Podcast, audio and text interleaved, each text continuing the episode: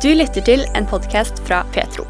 I 2011 opplevde Robert Solheim det han beskriver som et sterkt møte med Gud midt i et turbulent liv. Likevel så tok indre sår og for masse jobbing etter hvert over i livet igjen, og han møtte veggen kraftig.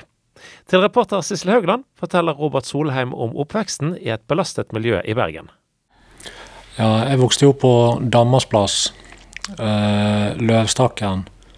Og der var det allerede når vi gikk på barneskolen, så var det helt vanlig at vi eh, så mennesker som lå på bakken med sprøyter.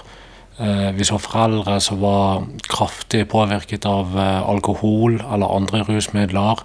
Og det var i det miljøet som jeg vokste opp, så var det utrolig mye rusmidler og nød og elendighet. Og du skulle komme ut på kjøret sjøl òg, men hva skjedde før det? Nei, jeg var jo veldig aktiv og glad eh, unge. Og mange år så spilte jeg fotball, og det var egentlig først i når jeg var ca. 15 år gammel. Da begynte det med litt sånn hasjrøyking og eh, alkohol, sigaretter. Det var der det begynte. Og så festing.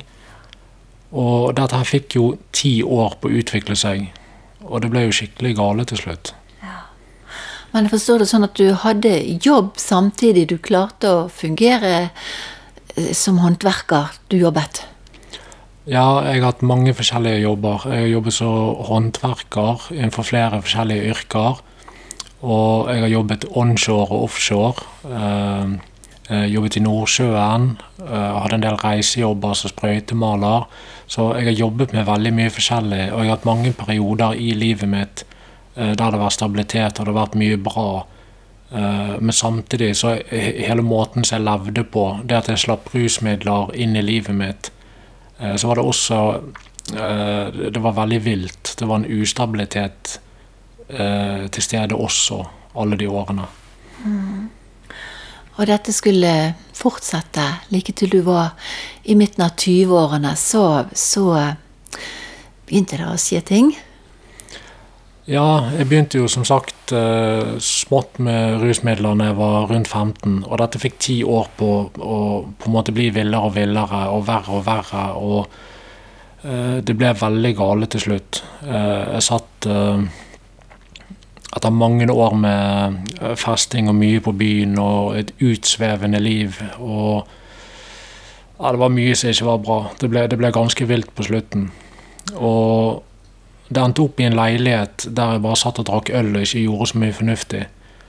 Og i forkant av at jeg var i den leiligheten i den alderen, så var det en barndomskamerat av meg eh, som kom og besøkte meg og begynte å bruke tid med meg. Eh, og han hadde blitt kristen i voksen alder. Han var veldig sånn eh, Bare var rundt meg og brukte tid med meg. Og eh, begynte litt sånn å fortelle meg om Herren. og jeg ble jo litt sånn undrende. Så han hva Herren og Jesus? Og jeg kjente på en måte en åpenhet for det. Men jeg kunne ikke så mye om det. Men jeg fikk en bibel av han. Og den bibelen hadde jeg i denne leiligheten, så jeg på en måte satt i i en alder av 24-25. Og da hadde egentlig livet gått veldig i stykker på mange måter. Det var ensomt, det var, det var et, et mørke over livet mitt. Masse sykdom? Ja, det var sykt. Jeg var sliten, utbrent. Jeg hadde ikke kraft til å gjøre noe, egentlig. Jeg var bare helt uh, uh, Rett og slett bundet og nedtrykt. Og det var, det var ti år med rus og fest og konsekvensene sant, som bygger seg opp. Og eh, når jeg satt i den leiligheten, så hørte jeg det som jeg i ettertid har skjønt var Gud som snakket til meg. Jeg kunne høre det med mitt fysiske øre i den leiligheten. Og det som gjorde at jeg skjønte at det var Gud, det var at jeg har aldri hørt en sånn stemme i hele mitt liv. Det hørtes ut som en blanding mellom tordenbrak og veldige fossefall. Og den stemmen den sa til meg, Robert, les den boken. Det er det viktigste du gjør i ditt liv. Og så falt øynene mine skrått ned til venstre eller høyre, litt usikker på, men det var skrått ned til siden. Og der lå Bibelen, som jeg hadde fått av han kristne vennen min som hadde kommet inn i livet mitt like før, og forsiktig begynt å vitne om Jesus og gitt meg en bibel. Dette har jeg skjønt i ettertid, at dette var jo Faderen, eh, vår Far i himmelen, som talte direkte til meg. Og jeg tok jo opp den bibelen og skjønte at oi, Gud prøver å få tak i meg. Eh, jeg ble jo veldig på en måte satt ut av denne stemmen, for det var så voldsomt. Eh, altså Den stemmen den traff kroppen min. Jeg kunne kjenne det fysisk. Kraften i den stemmen og autoriteten i den stemmen. Det var akkurat som ingenting i meg kunne stå imot det. Jeg bare skjønte at det var Gud. Og da gikk det en liten stund etter eh, Faderen hadde talt meg. Så gikk jeg en liten runde i leiligheten og der fikk jeg møte sønnen, Jesus. Da sto han rett foran meg i gangen utenfor stuen der. Og så fikk jeg se livet mitt fra mors liv av inntil den dagen i revy. Men det som gjorde at jeg tålte å se hvordan livet mitt egentlig hadde vært, det var at Jesus han dekket meg med sin nåde og sin kjærlighet, så jeg var perfekt elsket i det. Og det at jeg fikk nåden og kjærligheten først, det gjorde at jeg tålte å få lyset som viste meg alt som hadde vært i mørket i livet mitt. Og jeg skjønte med en gang at herregud, denne mannen trenger en frelser. Og jeg ringte i hu og hast til en som heter Egil Magnus eh, i Saltbergenkirken, og jeg sa at vi må be til Gud. Og han fant frem Bibelen, og så ba vi Fader vår. Og da kjente jeg inni meg at ok, sånn, nå, nå har jeg bedt til Gud. Ja. Oi. Så Gud åpenbarte seg, Jesus åpenbarte seg så mektig midt når du var på det verste, du nettopp hadde fått kontakt med en kristen kamerat, og du satt der alene hjemme. Ja, det stemmer. Han kom til meg når jeg trengte det som mest, og fortjente det som minst. Og det var så sterkt, for jeg skjønte Jeg hadde jo ikke noe kristent ordforråd eller bibelkunnskap eller noen sånne ting. Jeg visste ingenting om kraften og salvelsen og hellighet og renhet. og Ingenting av dette her uh, hadde jeg noe greie på.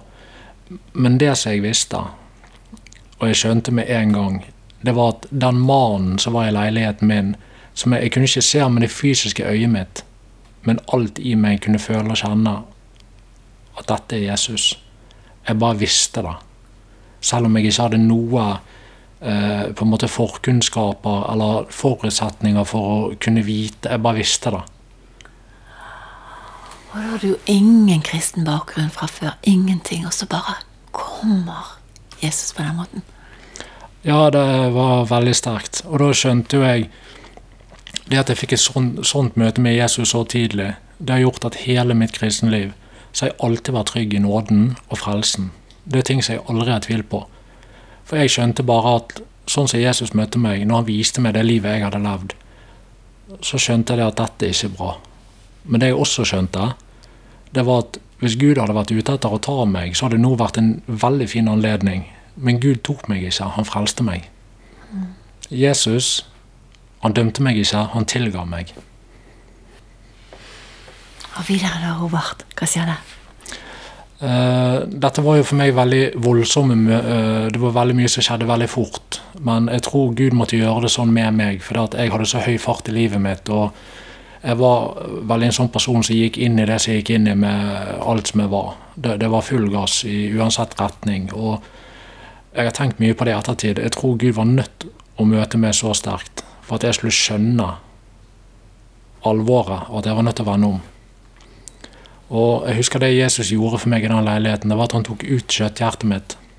Nei, beklager, steinhjertet mitt, og satt inn et helt nytt kjøtthjerte. Umiddelbart så ble samvittigheten min gjenopprettet. Og når jeg så det livet jeg hadde levd i Herrens lys, i det lyset som Jesus elsket meg høyt nok til å gi meg, sammen med nåden og kjærligheten og frelsen, Eh, da skjønte jo jeg at eh, Jeg ble bare helt eh, Jeg finner ikke ord, for å være helt ærlig. Ja. Men selv om vi møter Gud, selv om vi møter Jesus, selv om alt, så, så, så er det en motstander òg som prøver å rive oss ned. Og du kjørte vel ditt eget løp veldig kraftig videre eh, i eh, jobbsammenheng, i mange sammenhenger, at du på en måte Du kan fortelle sjøl. Ja, nei, altså jeg fikk jo, eh, sånn som jeg var litt inne på, eh, det, det var veldig mye for meg å på en måte få så sterke eh, møter med Gud så fort og så brått. Men jeg tror Gud gjorde det for å redde sjelen min, for å redde meg. At det var nødvendig at Herren grep inn. I mitt tilfelle så tror jeg at det er sant. Så jeg ble jo veldig Jeg fikk jo veldig gudsfrykt, og jeg tørde ikke snakke om disse tingene. Det er jo først nå de senere årene jeg har tørt å sette ord på hva jeg faktisk har opplevd med Jesus, for det har vært så voldsomt. Eh, Men det som var så fint med at jeg fikk møte Jesus så sterkt, det var at jeg visste, som jeg sa i sted, at hvis Gud hadde ønsket å ta meg, så hadde dette vært en så fin anledning. Men så tok ikke Gud meg. Og det, det gjorde noe. Det skapte en trygghet i meg. Eh, Da bare visste jeg at ok, Gud er for meg, han er ikke imot meg. Og det fikk jeg ta med meg inn i mitt kristenliv. En, en sånn visshet om at Jesus han på en måte hadde sin mulighet til å dømme meg, men han frikjente meg og frelste meg. Gud hadde sin mulighet til å eh, på en måte eh, si eller gjøre det som han ville, men han ba meg om å lese i Bibelen. Så jeg visste på en måte at jeg visste at Gud på en måte, Det høres ikke rart ut, men han hadde sin sjanse til å ta meg, men han tok meg ikke. Han hjalp meg. Og det, det har gitt meg en sånn enorm trygghet i nåden og frelsen, så jeg tok med meg videre. Um, og selv om jeg opplevde alle disse sterke tingene med Gud, så hadde jeg levd et liv i så mye fest og rus, og det hadde vært såpass vilt, og jeg hadde rett og slett trakket ned så mange grenser i mitt egen sjelsliv at jeg var ganske grenseløs. Og det var mange sånne ting som Gud var nødt til å jobbe mange år med meg. Og jeg hadde jo med meg jeg fortsatte jo å drikke øl lenge etter jeg var frelst. For jeg skjønte liksom ikke dette med å overgi alt til Jesus. Og jeg, jeg overga litt her og litt der, og så gikk årene, sant. Men etter hvert som årene gikk, så eh, Jesus han begynte å reise meg opp igjen. Sant? Jeg kjente plutselig jeg hadde kraft i livet mitt til å få ting gjort og til å stå i arbeid. Og, og jeg jobbet jo flere år uh, under barnevernet med traumebasert omsorg og høyrisikoatferd. og jeg jeg jobbet som støttekontakt. Og jeg var på en måte veldig mye rundt og gjorde eh, jobber for Jesus og tjente Gud. Eh, men så det ble mye for meg til slutt. Det ble for mye, rett og slett. Så jeg begynte å bli utbrent, jeg begynte å bli syk. Og jeg, jeg, kjente, at, øh, jeg kjente at dette var noe nytt. For jeg, jeg var så sliten at jeg så vidt orket å snakke. Jeg ble liggende mer og mer i, i sengen. Jeg våknet om morgenene, så var jeg, jeg, jeg, var, jeg var helt kraftløs. Jeg, var helt, skjønte ikke sjøl hva som foregikk. Men da øh, ble jeg, etter hvert som årene gikk, så ble jeg mer og mer og mer og mer syk. Og ja, det var tiden før evangeliesenteret. Det var da når du jobbet i barnevernet. Ja. Så da rett og slett eh, kan vi si at du møtte rett og slett veggen. Ja, det kan vi konkludere med. Noe så voldsomt. Jeg møtte veggen så kraftig at jeg fant på en måte ingen måte eh, i meg sjøl å reise meg. Og det har jeg pleid å klare tidligere. Det, når ting har vært veldig tøft, så seks til tolv måneder så har jeg klart å finne en eller annen vei til å reise meg igjen. Eh, Men denne gangen her så kjente jeg bare at den kampen som jeg har i livet mitt, rundt livet mitt nå, den er så stor at eh, jeg, jeg klarer ikke det. Og det var da jeg havnet inn i evangeliesenteret. For jeg, jeg kjente bare at dette går ikke. Jeg, eh, jeg gikk faktisk på legevakten, og så sa jeg til de på legevakten hvis ikke jeg får en seng så jeg kan ligge meg ned i nå og bare få hvile meg litt, så kommer jeg til å dø stående i skoene mine. Det sa jeg, og da er du desperat. Og jeg mente det. Helt overarbeidet, helt utslitt. Ja. Og så var det Da hadde du kommet litt utpå igjen, da. Kjøre. Ja, etter hvert som jeg ble så syk utbrent, og så det var jo en voldsom smerte. Sant? og Det var vondt og vanskelig for meg. eh, Eh, jeg kjente bare at jeg, fungerte mindre og mindre og mindre. Jeg fikk til mindre og mindre og mindre. Det, det ble så gale at bare det å bare det å skulle vaske sitt egen stuegulv virket som en helt umulig oppgave. Og etter hvert så ble det så gale at bare når jeg lå på sofaen, bare vite at jeg måtte reise meg for å gå rett ut på toaletten en liten tur. Det var snakk om noen meter å bare gå. Eh, det virket helt uoverkommelig. Jeg kunne sitte og gråte i sofaen, for jeg klarte rett og slett ikke å reise meg. Jeg var helt kraftløs. Jeg var helt nedbøyd. Jeg var helt knust. Han Jesus ga du ikke slipp på allikevel, for da hadde du opplevd så sterke ting? Det som er så fint, det var at jeg visste at jeg bare en kan hjelpe meg. Ja. Og Jesus hjalp Robert, selv om det tok flere år. Både menigheten han hadde vært i i fem-seks år, og en mann som heter Rolf Helge, hjalp Robert masse videre i livet. Og Robert fikk òg en plass på evangeliesenteret for å få hjelp for alt som han slet med. Ja, eh, jeg må jo være eh, ærlig med deg. De første to årene mine i Evangeliesenteret, det er den tøffeste tiden som jeg har gjennomlevd eh, så langt i mitt liv. Det var, det var, så tøft at hver morgen så var det på grensen til hva jeg tror et menneske kan tåle. For jeg gikk gjennom legedomsprosesser som var så tøffe for å bli hel igjen som menneske og fri igjen som menneske. Og Gud, når han gjør noe, så gjør han det skikkelig. Han går på dypet, og så tar han problemene ved roten. Og så gjør han et skikkelig arbeid. Og det begynte Gud med når jeg kom inn i evangeliesenteret. Da bare hele livet mitt, alt sammen. Gud bare begynte intenst å jobbe med meg. Og jeg, jeg lå nesten i to år nesten bare i sengen på evangeliesenteret. Ellers lå jeg strødd i en sofaen. For jeg klarte så vidt å gå, for den veien som jeg gikk med Gud, den var så tøff. At, uh, ja, altså Jeg gikk jo også på skole. Jeg tok VG1 og VG2 helsefagarbeider. Men til tross for store lidelser og utmattelser, så gikk Robert ut ifra skolen som han gikk på, med topp karakterer. Midt oppi alt. Og han klarte etter hvert òg å løpe både halvmaraton og å drive med andre typer sport det jeg har gjort i årene som jeg har vært inne, eh, det at jeg har lest Jeg gjorde sånn som Gud sa til meg for mange år siden. Det tok bare litt tid før jeg kom der. Men jeg har lest i Bibelen omtrent hver dag. Jeg har lest mye i Bibelen, og jeg har brukt mye tid sammen med Jesus. Men er det noen sånn spesielt bibelvers som har betydd mye for deg? Det må være i Jesaja 57, 15. Det var et ord som jeg fikk av Jesus Så, og Der står det Så sier Han som er høy og opphøyd, Han som troner for evig. Den hellige er Hans navn. I det høye og hellige bor jeg, og hos den som er knust og nedbøyd i ånden. Jeg vil gi ånden liv hos dem som er bøyd ned, gi hjerteliv hos dem som er knust. Mm. Dette var et ord som jeg fikk av Jesus, og Gud viste meg at dette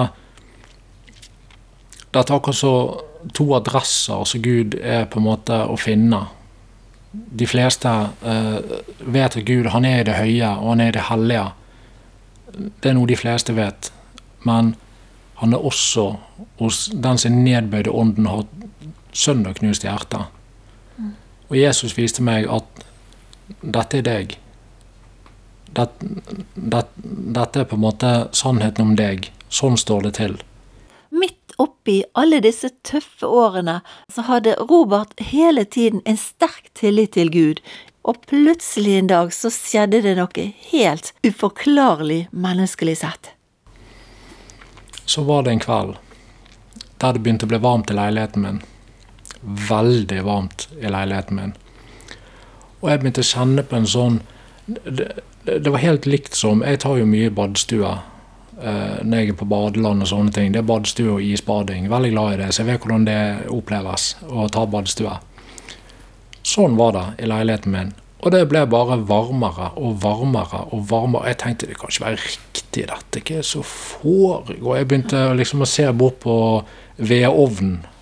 Sånn, for at, eh, jeg tenkte at det må jo være den.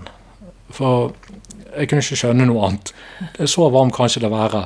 For det var sånn at jeg begynte, jeg begynte på en måte å bli litt sånn brydd av denne varmen. For det ble bare varmere og varmere og varmere.